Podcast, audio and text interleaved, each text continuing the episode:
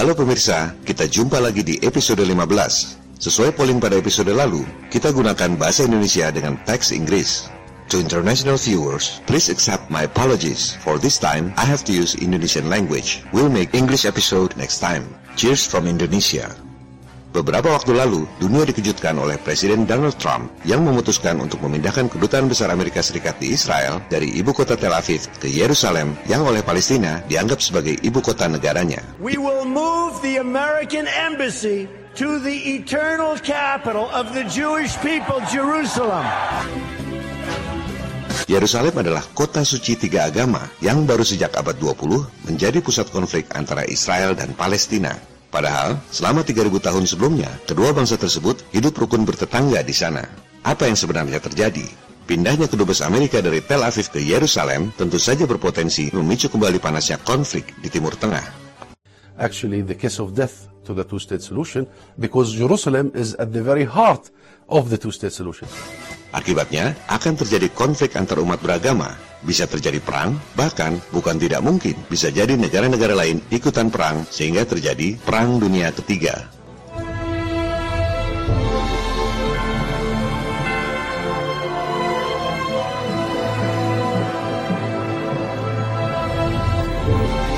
To our international friends, I'm not promoting nor against any particular religion. I'm not promoting nor against any country or race. We are the people. We are brothers and sisters. We're not supposed to hate and fight each other. In this episode, I'm describing how people in the world has been manipulated to fight, hate, and destroy each other through distinguished organizations like the United Nations to make us weak so can be easily conquered by a very small group of people, the global elites. Just like they have been manipulating you with the Globe Earth hoax through popular organizations like NASA, so they can get trillions dollar fictional business in the last 60 years. Pada episode ini, kita akan membahas apa yang sebenarnya terjadi di Yerusalem, skenario Perang Dunia Ketiga, kaitannya dengan keputusan Trump untuk memindahkan kedubes Amerika ke Yerusalem, serta relevansinya dengan bangkitnya kesadaran Flat Earth.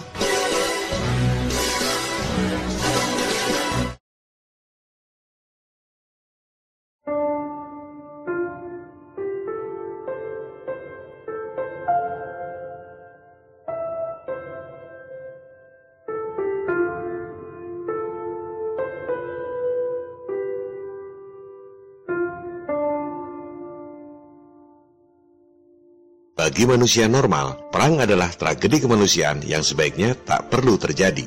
Begitu banyak kehilangan dan kerugian yang dialami, kehilangan harta, kehilangan tempat tinggal, kehilangan pekerjaan, kehilangan anggota tubuh, kehilangan nyawa kita, juga nyawa orang-orang yang kita cintai.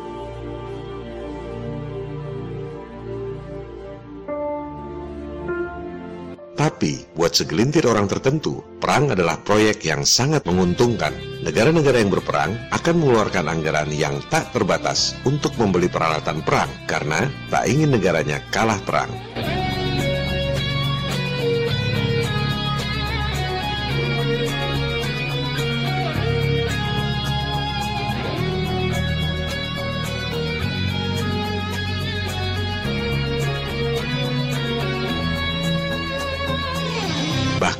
Sebelum perang pun, industri pemasok militer panen besar asal ada ancaman perang atau terorisme yang sebenarnya belum tentu terjadi. Mari kita lihat anggaran belanja pertahanan negara-negara. Amerika Serikat anggaran pertahanannya 611 miliar dolar atau sekitar 8.000 triliun rupiah per tahun. Lebih besar dari gabungan pendapatan negara Indonesia, Malaysia, Singapura, Brunei, Thailand, dan Filipina selama dua tahun. Luar biasa.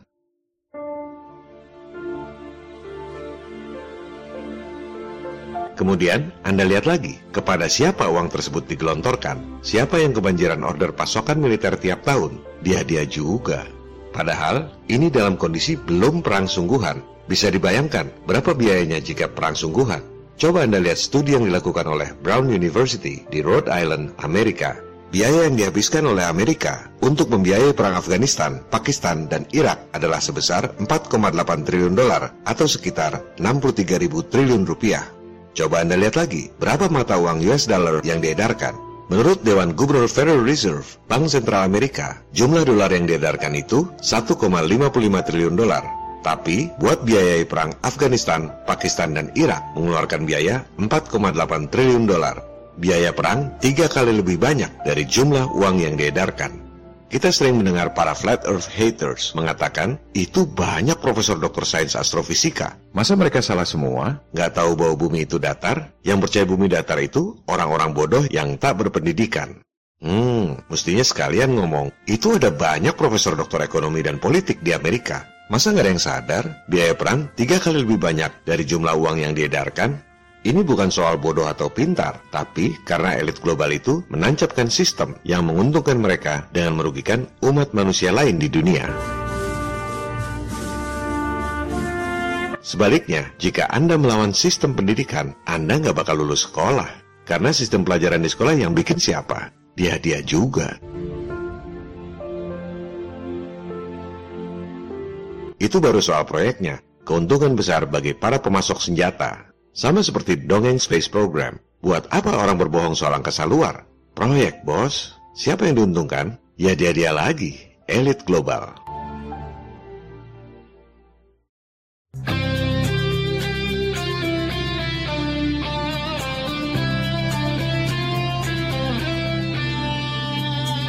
Manfaat kedua dari perang, seperti juga space program hoax, adalah bocornya anggaran sehingga defisit triliunan dolar bukan bocor lagi, tapi banjir. Jumlah uang yang beredar satu setengah triliun dolar buat biaya tiga perang saja sudah 4,8 triliun dolar. Gimana nyetak duitnya? Gampang, karena sudah diatur dalam sistem yang diajarkan di semua sekolah di seluruh dunia. Karena anggaran defisit, negara keluarkan bond. Di Amerika, namanya Treasury Bond. The name's Bond. James Bond. Di Indonesia namanya surat utang negara. Bond kemudian dibeli oleh para bankir, investment bankers, dan lain-lain. Negara dapat pinjaman dari para banksters. Bank kemudian menukar bond dengan cek bank sentral.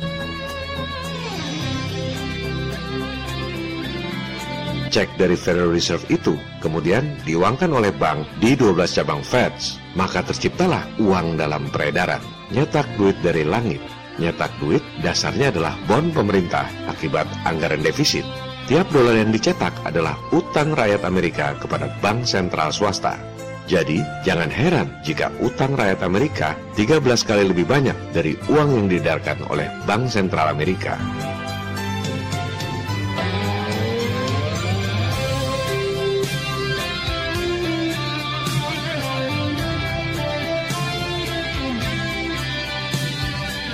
Jangan salahkan akademisi, profesor, doktor, pemerintah, dan lain-lain. Semua hanya ikut sistem yang ditanamkan oleh elit global. Sama seperti soal Globe Earth Hoax. Kalau akademisi bikin tesis yang bertentangan dengan sistem, ya nggak bakal lulus sekolah.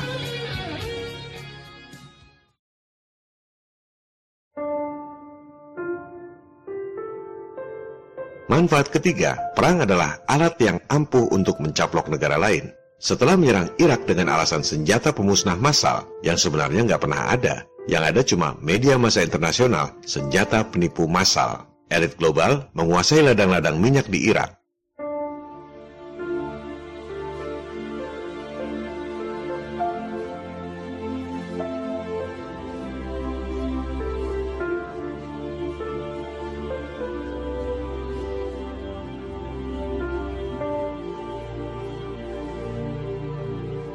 Manfaat keempat, setelah mencaplok teritori dengan alasan demokrasi dan hak asasi manusia, elit global kembali menancapkan sistem yang menguntungkan mereka di sana. Sama seperti IMF pura-pura bantu Indonesia dari krisis ekonomi 1998. Setahun kemudian, keluarlah Undang-Undang Bank Sentral 1999 yang independen. Maksudnya, independen dari rakyat dan pemerintahnya sendiri, tapi dependen pada IMF, World Bank, dan para agen-agen banksters lainnya. Itu adalah sistem yang diterapkan oleh elit global ke semua negara di dunia.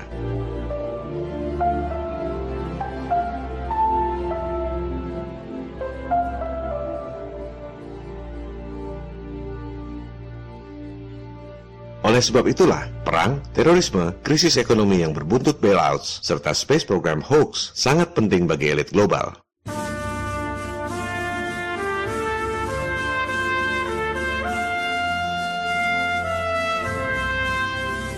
Perang, terorisme, krisis ekonomi, dan space program hoax harus dibuat supaya ada terus. Lantas, bagaimana caranya mereka esa perang?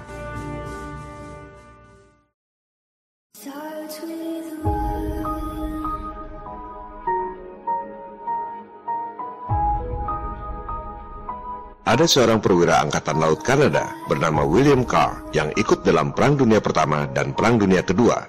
Perwira ini sudah ikut dua perang dunia. Carr juga dikenal sebagai seorang penulis yang banyak membongkar kegiatan Illuminati, sekte penyembah iblis Lucifer yang didirikan oleh Rothschild yang bertujuan untuk membuat kekacauan dan peperangan, meruntuhkan negara-negara dan agama-agama di dunia untuk membentuk New World Order, tatanan dunia baru di bawah kekuasaan iblis Lucifer alias Sang Dajjal. Sebagai seorang perwira yang mengalami dua perang dunia, Carl melihat bahwa PBB yang dibentuk setelah perang dunia selesai adalah bagian dari master plan Illuminati. Dalam bukunya yang berjudul Satan, Prince of this World, Carl bahkan menulis bahwa Illuminati sudah merancang tiga perang dunia sejak 150 tahun yang lalu.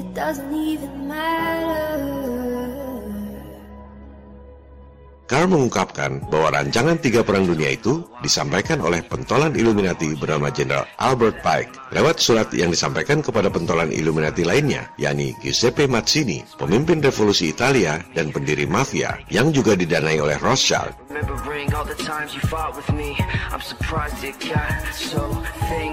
Pike menulis bahwa Perang Dunia Pertama adalah untuk menjatuhkan Tsar Rusia untuk diganti dengan rejim komunis yang didirikan oleh Illuminati. Skenario ini sesuai dengan apa yang kemudian terjadi. Tsar Nicholas II beserta keluarganya dibantai oleh pemberontak komunis yang kemudian melahirkan negara komunis Uni Soviet, sekutu Amerika. One thing, I don't know why, it doesn't even matter how hard you try. Keep that in mind, I designed this rhyme to remind myself of a time when I... Perang Dunia Kedua adalah antara fasisme melawan sekutu Zionisme Skenario ini juga persis seperti apa yang kemudian terjadi. Poros fasisme terdiri dari nasisme Jerman, fasisme Italia, dan fasisme Jepang melawan sekutu Zionisme, Amerika Serikat, dan negara-negara barat lainnya. Skenario-nya adalah fasisme runtuh, Zionisme berkembang, ditandai dengan lahirnya negara boneka Israel yang didirikan oleh sekutu Zionis dan disahkan oleh PBB tahun 1947-1948. Ini sudah dirancang hampir 100 tahun sebelumnya.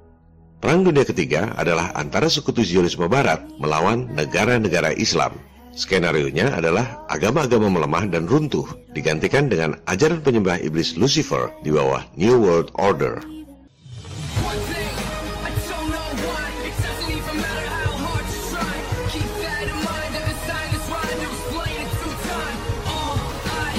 Ketika Perang Dunia Kedua, Soviet adalah sekutu Amerika. Begitu Perang Dunia berakhir, fasisme dan nasisme runtuh, harus ada musuh baru. Maka, Soviet yang tadinya sekutu pun menjadi musuh Perang Dingin. Jadi, jangan heran jika pasukan Soviet bergabung dengan pasukan Amerika di bawah Admiral Byrd untuk menjelajahi Antartika lewat Operation Deep Freeze 1956-1957. Jangan heran jika pasukan Soviet dan Amerika bergabung membom nuklir langit lewat High Altitude Nuclear Explosions tahun 1958-1962.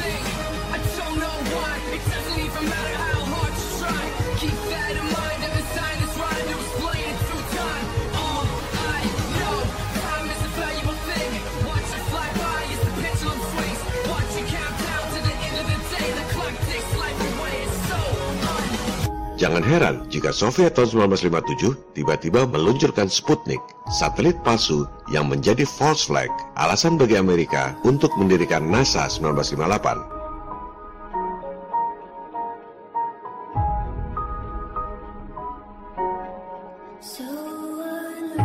Betapa naifnya jika orang-orang zaman sekarang menganggap NASA adalah lembaga ilmu pengetahuan yang bekerja untuk kepentingan dunia.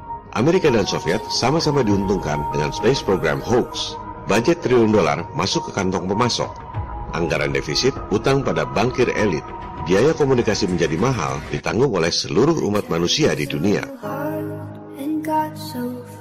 Tahun 1989, Soviet bangkrut. Coba lihat apa yang dikatakan oleh Presiden Gorbachev ketika berhenti perang dingin. New World Order. Negara sebesar Soviet saja bisa bangkrut. Lantas, cari musuh siapa lagi? Pilihan jatuh pada negara-negara Islam.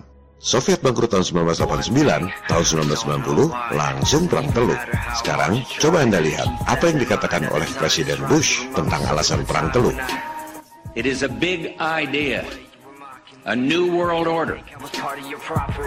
Sejak bangkrutnya Soviet 1989, disusul Perang Teluk 1990, kita sudah bisa membaca bahwa musuh selanjutnya setelah komunis runtuh adalah Islam, mengadu domba umat beragama.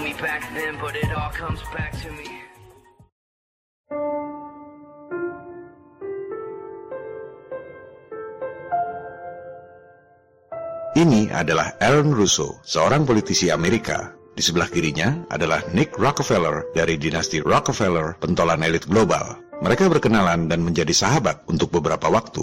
Lewat pertemanan itu, Aaron mendengar hal-hal yang sangat mengejutkan dan sangat menjijikan tentang rencana Rockefeller untuk merusak dunia melalui peristiwa 911. Ini adalah rekaman suara testimoni Aaron Russo tentang pembicaraannya dengan Nick Rockefeller 11 bulan sebelum terjadinya 911. I got a call one day from um, an attorney woman I knew, and she said, "Would you like to meet one of the Rockefellers?" I said, "Sure, I'd love to." And uh, we became friends, and um, he began to divulge a lot of things to me. So he said to me one night, he said that uh, there's going to be an event there, and out of that event, you're going to see we're going to go into Afghanistan. So we run pipelines from the Caspian Sea. We're going to go into Iraq to take the oil and establish a base in the Middle East. And uh, he said you're going to see guys going into caves looking for looking for people uh, that they're never going to find.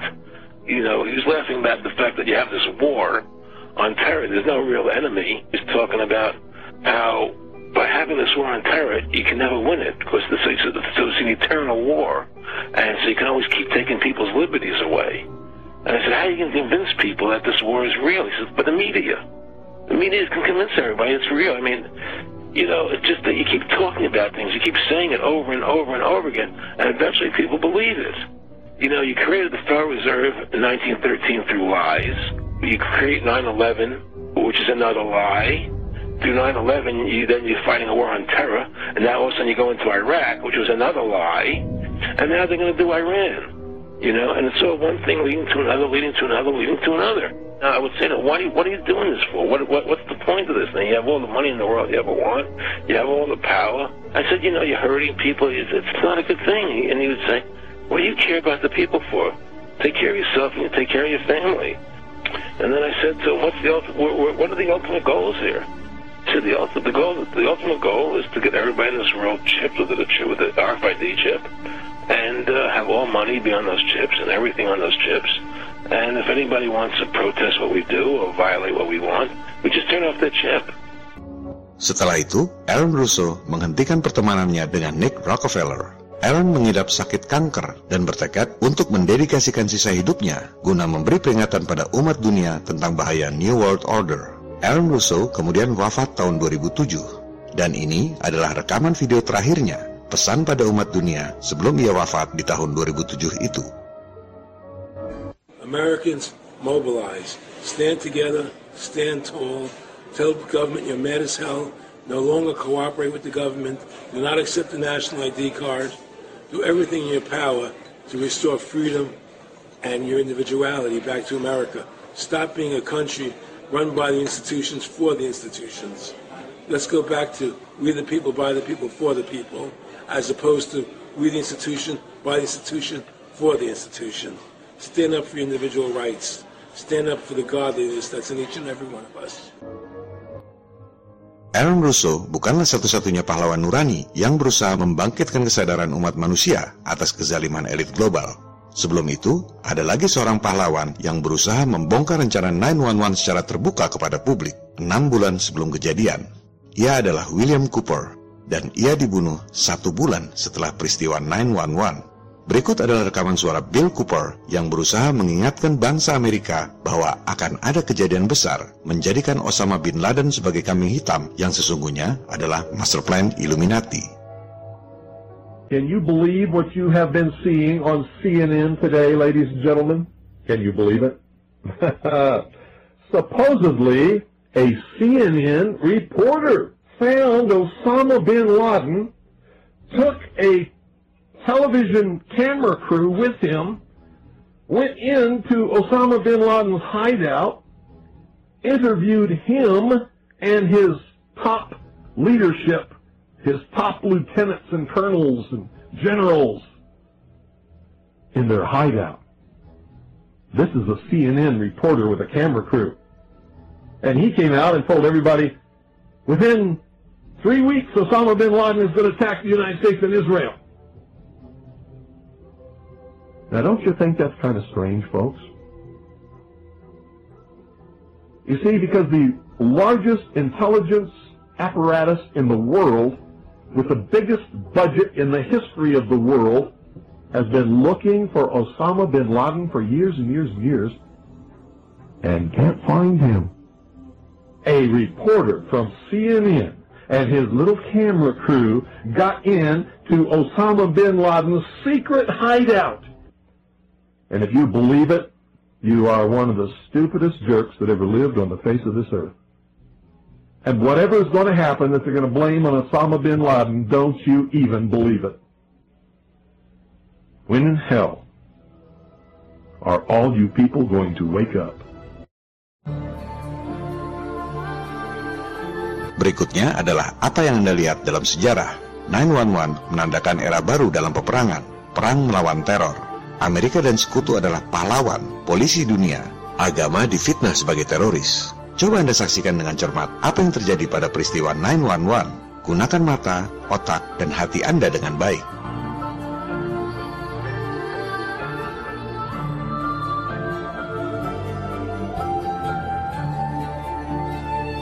Ini adalah jeruk. Jika ada yang mengatakan itu tomat, Anda tak akan percaya bukan? Ini disebut identifikasi visual berdasarkan pengalaman. Ini adalah controlled demolition atau penghancuran terkendali. Peruntuhan gedung dengan bahan peledak secara tersinkronisasi, terencana dengan akurasi sepersekian detik, sehingga gedung runtuh dengan sangat teratur.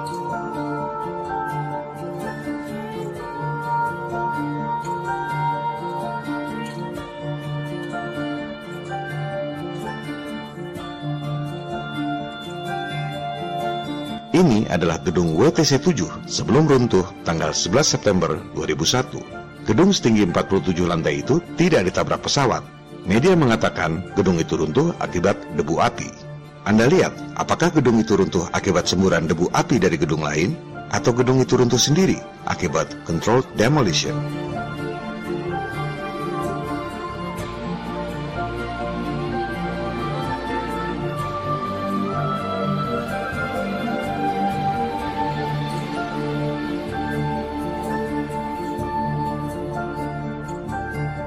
Pertanyaannya adalah, apakah Anda percaya dengan apa yang Anda lihat sendiri, atau Anda percaya dengan apa yang dikatakan oleh media?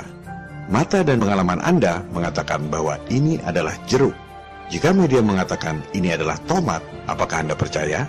Sama halnya dengan flat earth. Apakah Anda merasa bumi yang Anda injak ini diam tak bergerak?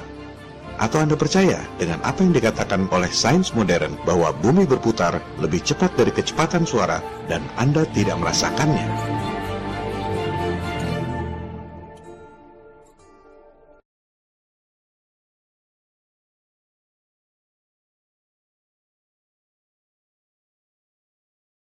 About 10 days after 9-11, I went through the Pentagon and I saw Secretary Rumsfeld and, and Deputy Secretary Wolfowitz. I went downstairs just to say hello to some of the people on the joint staff who used, used to work for me. And one of the generals called me and He said, sir, you got to come in. You got to come in and talk to me a second. I said, well, you're too busy. He said, no, no. He says, we've made the decision we're going to war with Iraq. This was on or about the 20th of September. I said, we're going to war with Iraq. Why? He said, I don't know. he said, I guess they don't know what else to do.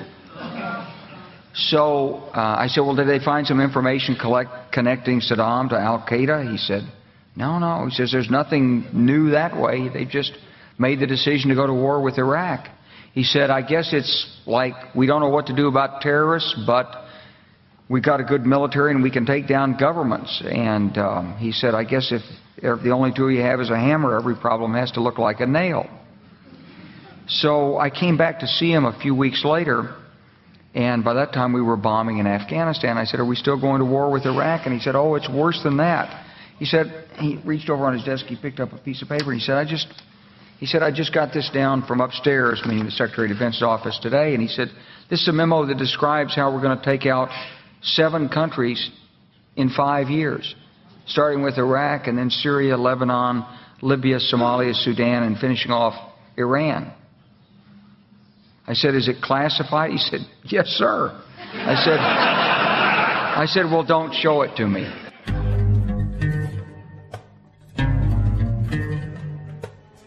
Begitulah bagaimana elit global memutuskan untuk perang. Alasannya, negara-negara Timur Tengah adalah sumber terjadinya konflik. Padahal, merekalah yang menciptakan konflik. Berikut adalah cuplikan wawancara dengan Michael Schur, mantan petinggi CIA yang mengepalai CIA unit Osama Bin Laden.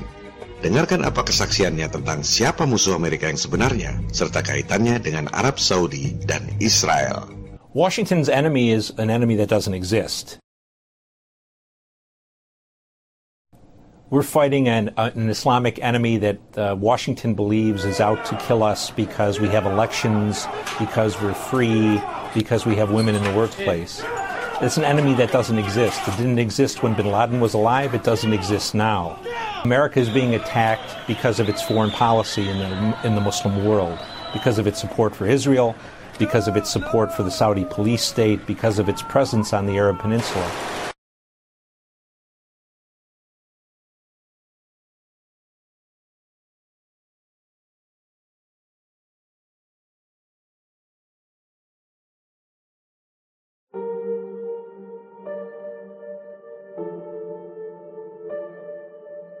Bagi elit global, negara Israel bukanlah tujuan.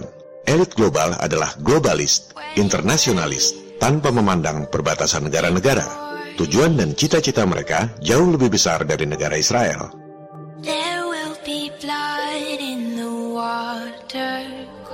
Sebaliknya, Israel hanyalah satu dari sekian taktik yang mereka jalankan untuk menciptakan konflik berkepanjangan di Timur Tengah.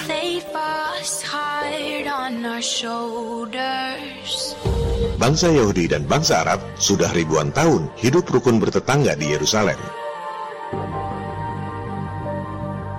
Setelah era Nabi Daud 3000 tahun lalu, tak pernah ada perang antara bangsa Yahudi dan bangsa Arab. Yerusalem adalah kota suci tiga agama. Di kota itulah dulu Nabi Daud memerintahkan putranya, Nabi Sulaiman, untuk membangun Temple of Solomon.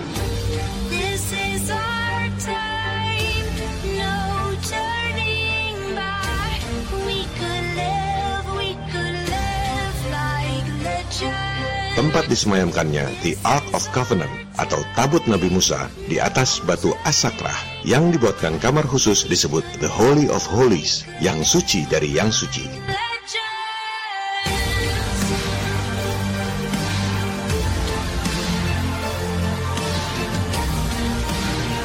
Di Yerusalem itu, kaum Nasrani mengimani sebagai tempat disalibnya Jesus alaihi salam. Di Yerusalem itu pula, di atas batu Asakah, Nabi Muhammad berangkat miraj ke langit ketujuh.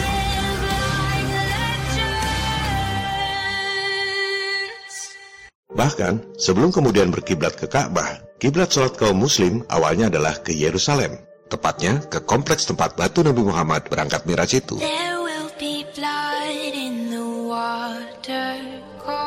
Ketika Umar bin Khattab tiba di Yerusalem, ia diangkat menjadi pemimpin Yerusalem justru oleh pimpinan agama Nasrani di sana.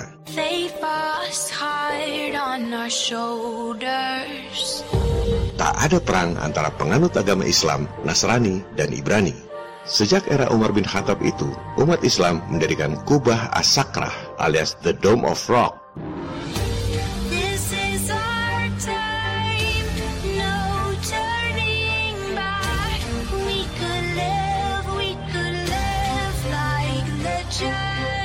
The Dome of Rock didirikan di atas batu asakrah itu, tempat Nabi Sulaiman menempatkan tabut Nabi Musa, tempat Nabi Muhammad berangkat miraj.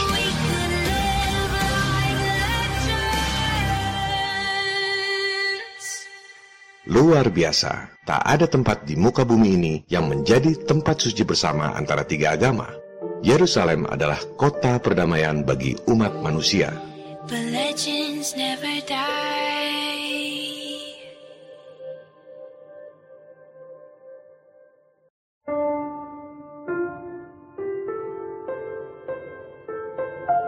Konflik mulai diciptakan sejak Rothschild membeli Yerusalem.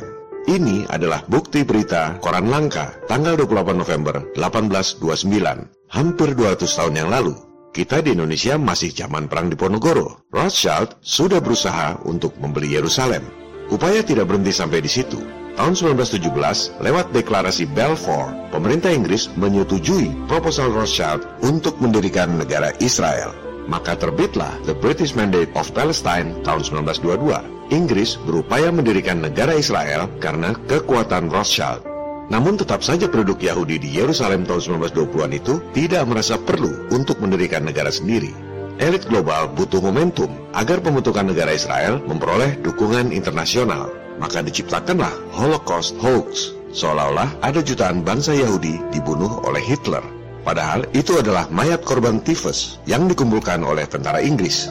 Itu semua adalah bohong, propaganda agar timbul simpati dan dukungan internasional setelah Nazi runtuh 1945. Setelah propaganda bohong itu, dibentuklah negara Israel tahun 1948, persis satu hari sebelum British Mandate kadaluarsa. Ini semua sudah settingan politik internasional. PBB yang juga baru dibentuk oleh elit global langsung mengakui negara Israel. Maka dimulailah babak baru konflik di Timur Tengah.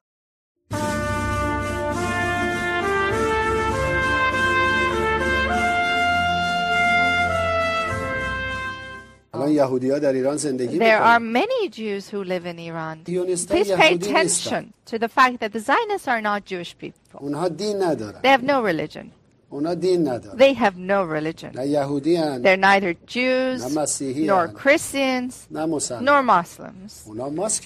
They just have wear a mask of religiosity. How can you possibly be religious and occupy the lands of other people? You, How can you call yourself a religious person and kill women and children?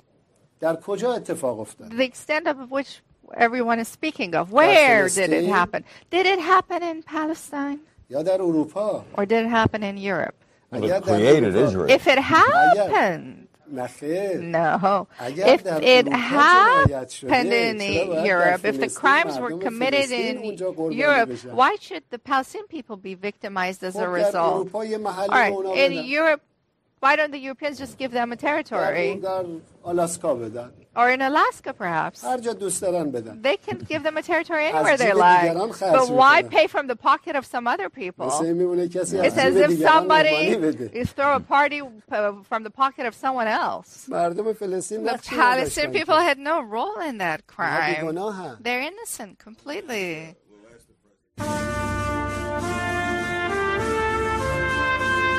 Jadi, negara Israel bukanlah aspirasi penduduk asli Yahudi yang ada di Yerusalem. Negara Israel adalah negara boneka bentukan Rothschild.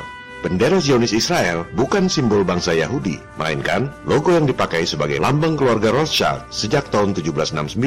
Perisai merah yang dalam bahasa Jerman disebut Rothschild. Rothschild.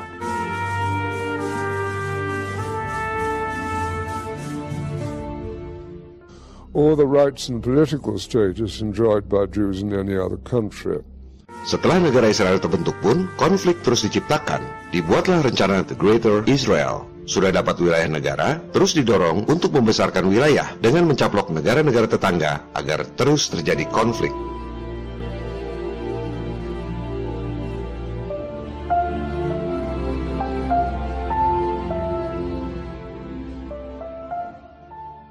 I reject the premise that the whole point of the so-called war on terror or investing in the Mujahideen was to somehow fight terrorism or to make a better world. There were serious objectives for Israel, and Israel's main objectives were to expand and grow in line with the Greater Israel Project. And in order for it to do that, there would need to be an excuse to justify the expansion of Israel. And in order to, sow, to, to do that, we would have to sow the seeds of sectarian hatred and violence in the region.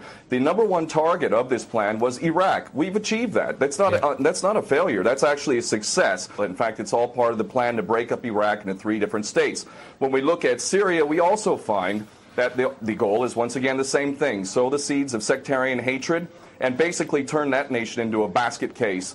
This is happening according to plan as well. Now, ISIS, funny enough, could stand for the Israeli uh, Secret Intelligence Service. Many people are seeing the very, very benef- big benefits to the state of Israel, the so-called Jewish state of Israel, by the breakup and the balkanization of the surrounding states. So actually, if you believe what's being told to you, and I just don't know why anyone would believe anything that comes out of the mouth of virtually any Western leader, whether it be Obama or Bush or any of the rest of them, all of these people are nothing but patent liars, and everything they say is pretty much the opposite of the truth. Kesimpulan dari apa yang disampaikan oleh Ken O'Keefe, aktivis anti perang, mantan marinir, dan veteran perang Teluk tadi adalah sebagai berikut. Pertama, elit global membuat rencana politik The Greater Israel, memperbesar wilayah Israel dengan mencaplok negara-negara tetangga. Kedua, dari peta ini bisa Anda lihat negara-negara sekitar Israel yang akan dijadikan korban, termasuk Irak dan Syria. Ketiga, sama seperti elit global merekayasa 9-11 untuk dijadikan alasan mencaplok Irak dan Afghanistan. Babak berikutnya, mereka butuh alasan baru untuk mencaplok Syria, Irak, dan akhirnya Iran. Maka diciptakanlah ISIS, mendanai tentara-tentara bayaran untuk jadi teroris berkedok agama. Masyarakat diracuni dengan kebencian antar umat beragama, bahkan membunuh yang satu agama karena beda pendapat.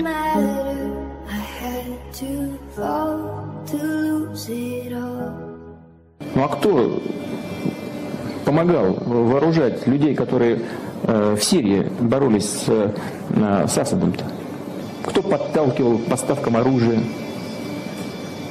А вы чего, разве вы не понимаете, кто там э, воюет? Там воюют наемники.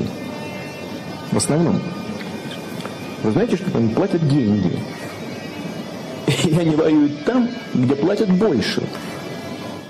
Keempat, ISIS diciptakan untuk membantu proyek The Greater Israel, meruntuhkan Syria, Irak, dan akhirnya Iran untuk memperlebar pengaruh Israel. Tak ada hubungannya dengan agama. One thing, I don't know why It doesn't even matter how hard you try Keep that in mind, I designed this rhyme To remind myself of a time when I In spite of the way you were mocking me Acting like I was part of your property Remembering all the times you fought with me I'm surprised it got so. We've been supporting ISIS in Jordan, in Turkey, through our proxies in Saudi Arabia and Qatar. There is absolute continuity between the policies of Iraq and breaking it up and breaking up Syria as well. It is beyond naive to suggest that the U.S. doesn't have its fingerprints all over ISIS. In fact, tell me this. Why has ISIS, why has ISIS never once, or Al-Nusra Front, or Al-Qaeda, not once have they attacked Israel? In fact, ISIS militants are getting medical attention in the Golan Heights and in Israel itself. Kelima, dari berbagai serpihan informasi tadi, Anda dapat menggunakan otak intelijen atau kecerdasan Anda untuk membaca peta politik yang dapat memicu Perang Dunia Ketiga Aliansi Sekutu di Timur Tengah, menurut mantan CIA kepala unit Bin Laden tadi, secara mengejutkan dan tak banyak diekspos adalah persekutuan antara Amerika, Arab Saudi, dan Israel. Because of its support for Israel, because of its support for the Saudi police state, because of its presence on the Arab Peninsula. Tak ada hubungannya dengan agama. Di sisi lain, secara politis terbentuk aliansi antara Iran dan Syria yang merupakan sasaran ISIS dengan Rusia ini soal politik, bukan soal agama. Ada beberapa konflik lain seperti Amerika dan Korea Utara, tapi pengaruhnya terhadap negara-negara lain tak cukup untuk membuat perang dunia. Dari kacamata intelijen, yang paling memungkinkan untuk mewujudkan perang dunia ketiga adalah konflik di Timur Tengah ini. Aliansi yang terbentuk sangat cukup untuk mewujudkan perang dunia ketiga. Yang dibutuhkan hanyalah pemicu.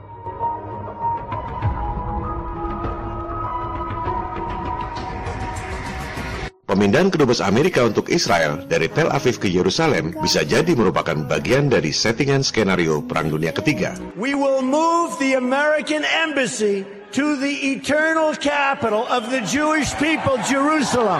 Kalau mau dijadikan ajang debat di sosmed, soal Israel-Palestina ini tak akan selesai dalam 3000 tahun mendatang. Pro dan kontra, bagus atau buruk. Demikian halnya dengan soal flat earth. Jika cuma untuk debat, 3000 tahun lagi pun tak akan pernah selesai. Anda mau buang waktu tanpa guna seperti itu?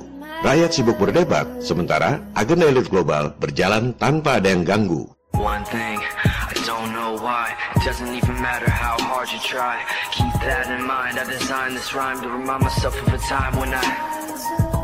Negara sebesar Indonesia tentu tak luput dari sasaran pecah belah elit global, divide et impera, jurus lama tapi ampuh.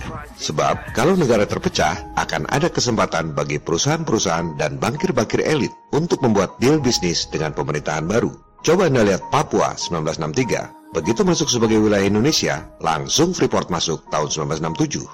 Coba Anda lihat Timur Timur. Begitu lepas dari Indonesia, langsung sumber daya gas Timor dicaplok Australia dan Timur Timur tetap miskin, bahkan tak punya mata uang sendiri.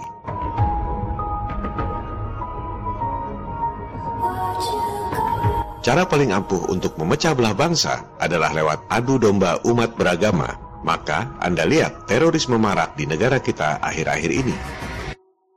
Modus rekrutmen terorisme adalah mencari kelompok radikal yang miskin dan kurang pendidikan Daripada hidup susah, lebih baik mati sambil bunuh orang-orang yang tak berdosa dengan persepsi akan masuk sorga. Musuh kita yang sesungguhnya adalah kemiskinan dan kebodohan. Kita harus menjaga agar daerah-daerah miskin tidak diracuni oleh radikalisme haus darah. Maraknya terorisme di tanah air adalah kondisi ideal buat elit global. Rakyat yang banyak saling membunuh sehingga menjadi lemah dan mudah ditaklukkan oleh segelintir elit penyembah iblis. Pilihan ada pada diri Anda. Apakah hanya memikirkan cari makan buat diri sendiri dan keluarga? Atau mau berbuat kebaikan untuk umat manusia di dunia untuk mewariskan dunia yang lebih baik bagi generasi penerus?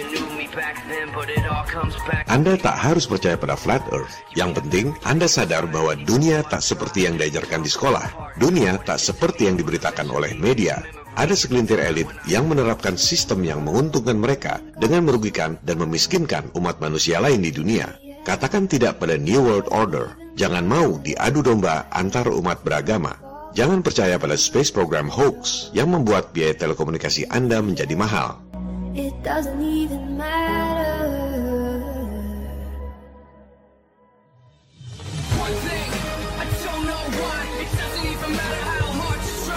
Katakan tidak pada dunia yang direkayasa untuk konflik, perang, dan terorisme. Silakan sebarkan video ini. Saya tidak memonetisasi serial video ini. Saya tidak dapat uang dari penyebaran berita ini.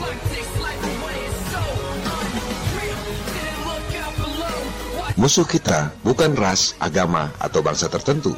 Musuh kita bukan pemerintah Amerika, Indonesia, dan lain-lain. Musuh kita adalah elit global Jangan takut pada kekuatan yang zolit, seberapapun kaya dan berkuasanya mereka. Lakukan ini semua untuk Tuhan yang menciptakan Anda. Jangan pikirkan berhasil atau tidak, sebab yang dinilai bukan hasilnya, tapi yang dinilai adalah amal perbuatan kita semua. What we do in life echoes in eternity. Salam People Power.